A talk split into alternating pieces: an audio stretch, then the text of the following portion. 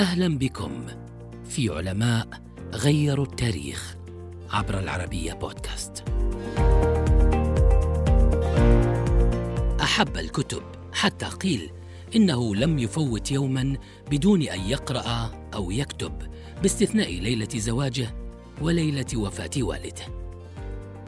الوليد محمد بن أحمد بن محمد بن رشد ولد عام 1126 بقرطبة الأندلسية. موسوعي مسلم برع في علوم الفلسفة والطب والفلك والرياضيات والفيزياء والجغرافيا. نشأ في بيت فقهاء وقضاة فكان جده قاضيا وشيخا للمالكيه واماما لجامع قرطبة وكان أبوه قاضيا في قرطبة أيضا. كانت علاقته جيدة بأمراء الموحدين الخليفة عبد المؤمن وابنه الخليفة يوسف الذي طلب منه نقل فلسفة أرسطو. تولى منصب قاضي القضاة في الأندلس.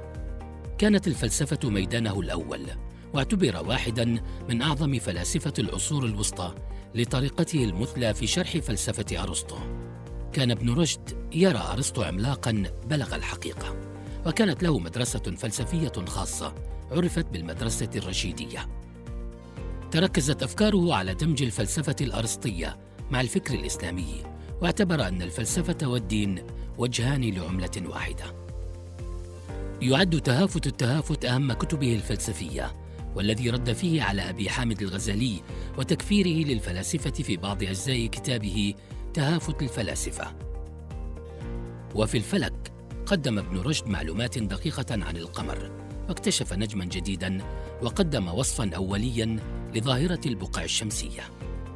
كان ابن رشد يرى أن الصحة العقلية والنفسية سبيل الوصول إلى السعادة التامة وأن الإيمان بالله ركن أساسي في تحقيق السعادة في الآخرة. قال إن من اشتغل بعلم التشريح ازداد إيمانا بالله فجسد الإنسان يعكس قدرة الله في الخلق. ترك ابن رشد عشرين كتابا في الطب وحده. ومن أهم مؤلفاته كتاب الكليات في الطب الذي انتهى منه في أكثر من خمسة عشر عاما. الكتاب المكون من سبعة أجزاء تناول علوم التشريح ووظائف الأعضاء والصيدلة والنظافة الشخصية والوقاية من الأمراض وغيرها. ودرست بعض أجزائه في جامعات أوروبا حتى القرن الثامن عشر.